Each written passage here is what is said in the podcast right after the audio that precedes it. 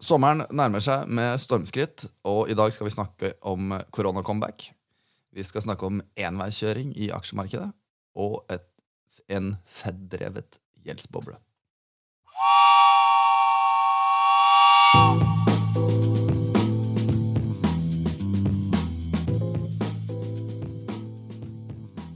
Er du med meg, Christian? Jeg er med, vet du, som vanlig. Koronacomeback, det høres ikke noe særlig hyggelig ut. Ikke at den har vært Nei. borte, men hva er det som skjer nå?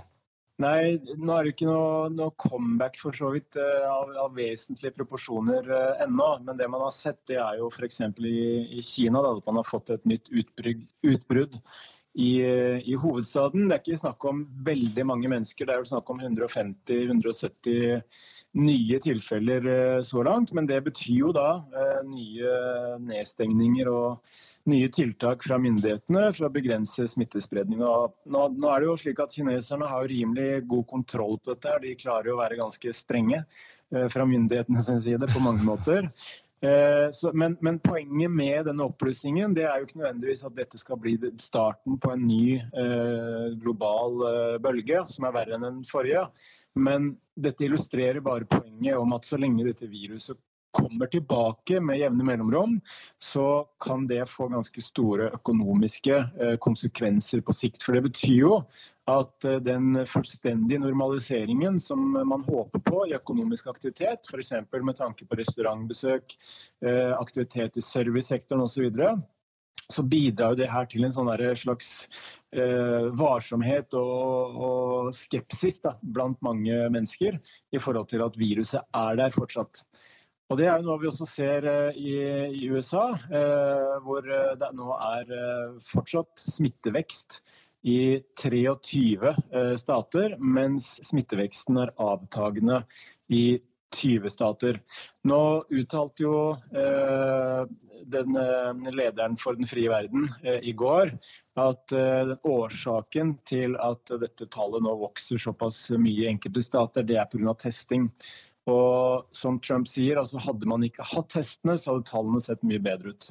Ja, jeg så det der. Fantastisk, fantastisk fyr. Eh, men men eh, budskapet her er i hvert fall at, som vi snakket om sist også, denne, denne pandemien er ikke over. Og spesielt i flere emerging markets, som vi også snakket om før, så er situasjonen ganske ille. Eh, F.eks. i India, eh, Bangladesh, Indonesia, Pakistan, Mexico, Sør-Afrika ikke minst. Eh, Så, er det fortsatt eskalering av smitteutviklingen. Så dette er jo ikke bra, og spesielt i lys av det aksjemarkedet vi har, hvor ting er priced for perfection, som vi sier her lokalt på Hedmarken, så virker det som det er en, en viss eh, Hva skal vi si eh, man, man er ikke så veldig opptatt av koronaviruset lenger, tydeligvis.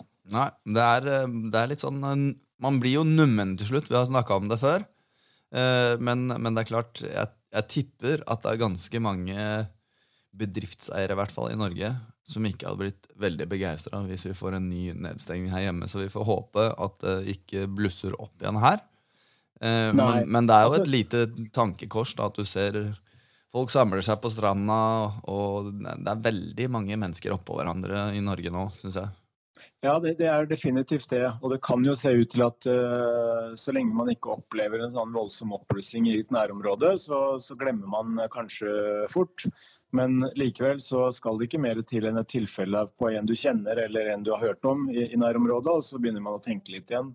Og det kan jo også påvirke det økonomiske atferdsmønsteret som man har. Ja. Eh, Men, men det som eh, tilbake til du, du, du nevnte også med nedstengninger, så det jo så har jo myndigheter og, og folk og bedrifter har jo lært litt av, av det vi har vært gjennom i, i den første runden. Eh, selv om den første runden på mange måter ikke er over. Og det, det er jo sannsynligvis noe som vi vil kunne se resultatet av dersom vi får en ny bølge eller en, en større oppblussing. Nemlig at myndighetene klarer å spesifisere kanskje litt bedre eh, og, og være mer selektive i hvilke tiltak de gjennomfører, og hvilke tiltak de dropper å gjennomføre, som de gjennomførte sist. Så selv om vi får en ny bølge, så er det jo i hvert fall lov å håpe på at de enorme økonomiske konsekvensene som vi så fra mars- og april-nedstengningene, ikke blir så store denne gangen. Ja, vi, eh, Det er lov å håpe, i hvert fall. Jeg vet at jeg ikke lengter tilbake til den lockdownen som var. Så vi, vi får uh, følge med og se hva som skjer. Kristian. Ja. La oss bevege oss over til markedet.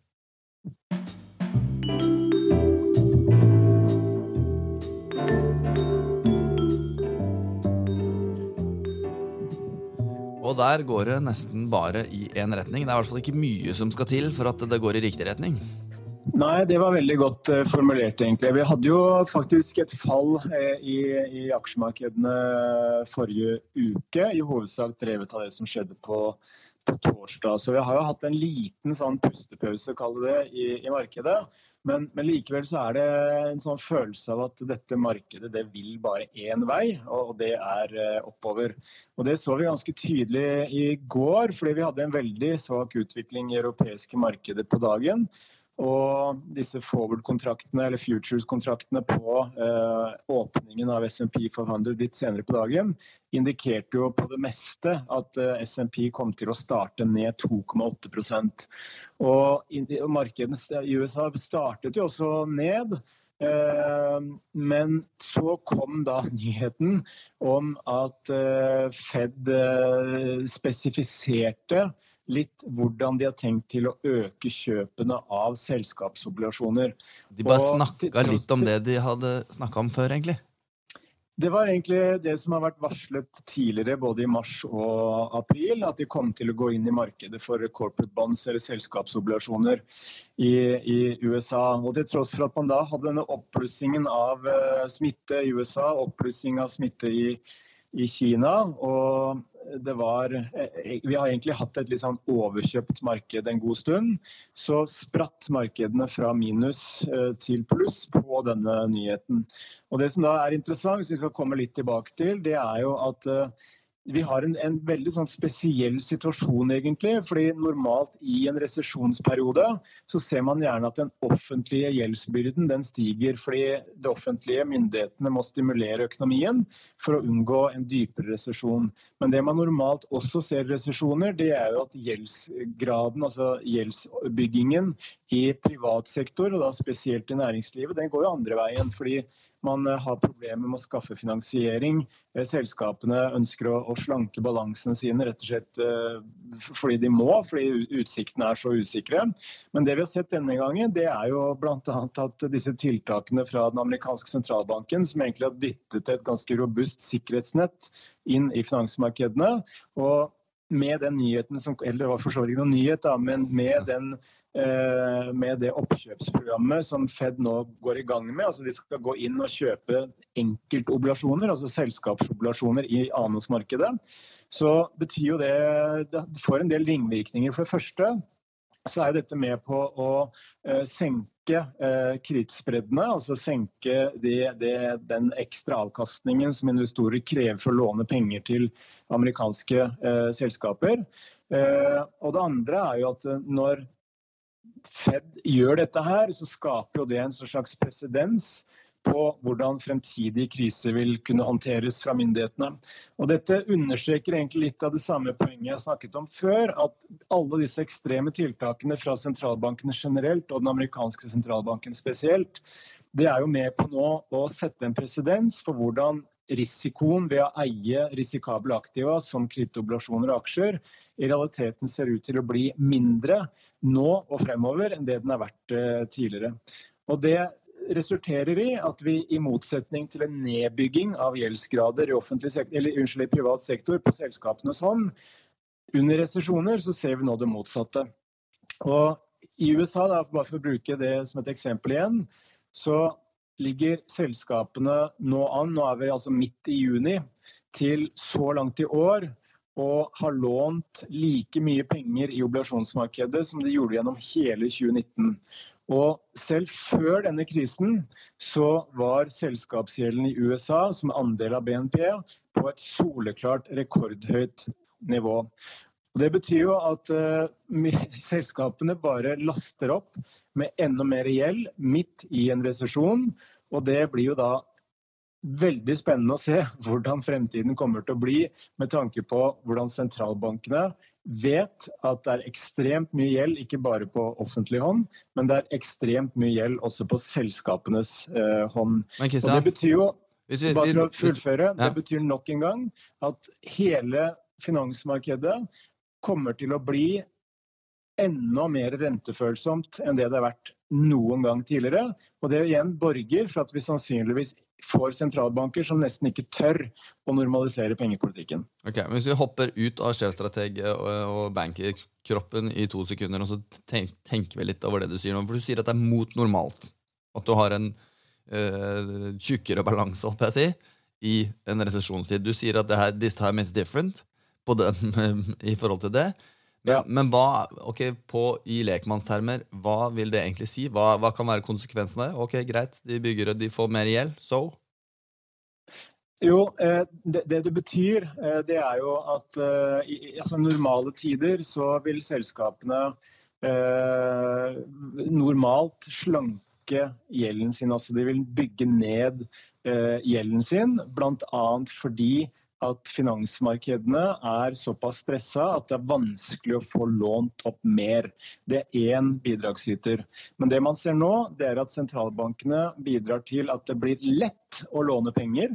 Risikoviljen blant investorer er kjempehøy. og Det betyr at gjeldsbobla eh, blåses ytterligere opp. Og Det det betyr, det er jo at eh, i første omgang, så lenge rentene er lave, så lenge rentekostnadene er lave, og så lenge selskapene har likviditet og inntekter nok til å betjene denne gjelden, så er ikke høy gjeld nødvendigvis noe stort problem. Problemet er bare dersom man kommer i en krise. Man skulle jo tro vi var i den krisen nå, men dersom vi kommer i en krise hvor, eh, hvor tilgangen til finansiering, f.eks. ved at risikoviljen i finansmarkedene faktisk faller så mye Mm. at de ikke er villige til å låne nye penger til disse selskapene, eh, og eller at inntektsgrunnlaget for å betjene gjelden eh, faller mer enn det den har gjort nå, Mm. så er det klart at da vil enda flere selskaper kunne risikere å gå eh, konkurs. Og det var et tema i en Twitter-melding som jeg la ut eh, her om dagen, som jeg syns egentlig var veldig interessant. Jeg fikk ikke så mange jeg tror jeg bare har fått tre likes på den. Men, så, så det var tydeligvis litt for spesielt interesserte. Men Så ulikt alt det andre du deler. ja, det kanskje. Men det var en graf fra, fra Deutsche Bank som viser andelen av såkalte zombieselskaper i USA, altså det amerikanske næringslivet. Og det defineres da som selskaper som har hatt eh, en eh, rentedekningsgrad på mindre enn én i tre år på rad. Altså De har hatt ganske god tid på å forbedre eh, likviditeten og, og, og, og finansene sine. Men det som er kult, eller kult i en sånn nerdeperspektiv, det er jo at denne linjen begynner å nærme seg 20% Det vil si at én av fem eh, selskaper i USA, og det er da sannsynligvis inkludert de som har lav kredittrating, altså innenfor high yield-segmentet, eh, har en rentedekningsgrad på under én. Det betyr da at eh, man har i teknisk forstand eh, driftsinntekter, eh, driftsinntekter eh, før skatt er det vel, eller før eh, avskrivninger i forhold til renteutgifter som er mindre enn én. Ja, ok. Så det betyr at du ikke tjener nok spenn til å behandle gjelda si, er det du prøver å si? På godt norsk. Og, det, og da snakker vi altså én av fem. Og når man da ser at selskapene allerede så langt i år, nå er vi midt i juni, har lånt opp mer penger enn det de gjorde gjennom hele 2019, så er jo sannsynligheten til stede at denne røde streken som jeg har med på denne grafen, kan fortsette å stige. Og det, det er jo også nå hvor det faktisk er relativt billig å finansiere seg. Ikke sant. Og Det er jo litt av grunnen til at denne røde streken stiger. Eh, fordi det er så mange selskaper som får tilgang til finansiering. Fordi investorene er jo spinnville etter å få tak i en eller annen form for avkastning. Og det gjør de da gjennom bl.a. Å, å kjøpe kredittobligasjoner som er understøttet av den amerikanske sentralbanken. Eller aksjer som har skyhøy risiko. Ja, er, eh, Det her er veldig spennende, Kristian. Så jeg, jeg syns ikke, eh, ikke det er for nerdete. Men nå tror ikke jeg er noe godt barometer for dine nerdemeldinger. Har du noe mer å si på policy-siden før vi runder av? Nei, jeg føler egentlig at vi har snakket litt om, eh, om policy-siden eh, allerede. Eh, men det viktigste budskapet her var jo at Fed kommer til å kjøpe amerikanske selskapsobligasjoner fremover. Og bortsett fra det så har det vel vært en bekreftelse i Japan på at de også kommer til å fortsette med sin pengetrykking. Og det ventes også faktisk at også i, i Euro, eurosonen, ECB, så kan også de finne på etter hvert å utvide programmet sitt for pengetrykking ytterligere utover det som allerede er annonsert. Ja, slett ikke verst. Så her blir det mye pengetrykking. Mye pengetrykking. Har du noe å plugge før vi runder av? Nei. Nei. Ok, men jeg har noe å plugge. Følg Christian på Twitter, så dere kan få med dere nerdepratet hans. Det er på, med handlet at liechr. Eh, og så kan dere som vanlig gå og stille spørsmål til meg, eller sende inn ting som dere ønsker at vi skal snakke om i denne podkasten, på at Ask Stensrud. Det er også på Twitter. Bare let etter en med sinnssykt få følgere, så finner dere meg der. Jeg kan nevne at vi spilte inn ny, et nytt webinar i går. Eh, med rundt halvparten om norsk økonomi og rundt halvparten med mine drodlinger. Eh, så det finner man da på denne vanlige Danske Bank slash korona slash webinar-siden vår danskebank.no slash korona med CLK. De pluggingene dine de kan føre folk til litt underlige steder på nett. Ja, nei, men det er bra. Vi snakkes da, Kristian. Det gjør vi. Ha det. Ha det.